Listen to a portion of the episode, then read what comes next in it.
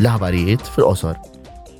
Din il-ġimgħa l-membri tal-Parlament Ewropew u l-Presidenza Svetiża tal-Kunsill qablu fuq il-miri nazzjonali mandatorji għall-implementazzjoni tal-infrastruttura għal fuels alternattivi għal karozzi u trakkijiet.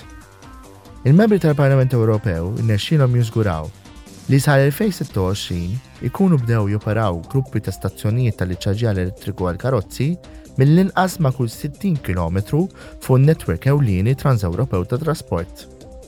L-istazzjonijiet ta' riforniment tal-idroġenu jridu jiġu implimentati mill-inqas kull 200 kilometru.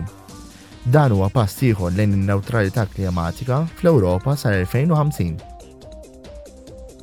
Għada ġewwa Brussell, il-membri tal-Parlament Ewropew se jiddibattu jivvutaw fuq kif se tissaħħaħ l-applikazzjoni tal-prinċipju ta' paga ugwali għal xogħol ugwali jew xogħol ta' valur ugwali bejn l-irġiel u n-nisa.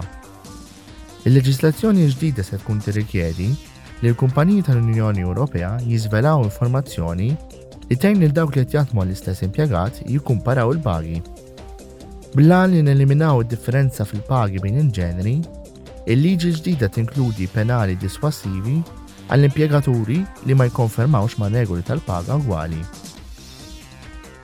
Waqt is-seduta plenarja l-membri tal-Parlament Ewropew se jivvutaw fuq regoli ġodda biex jiżguraw li prodotti fl-Unjoni Ewropea kemm jekk nbiju online jew fi ħwienet tradizzjonali jikkonformaw mal-ogħla rekwiżiti ta' sigurtà.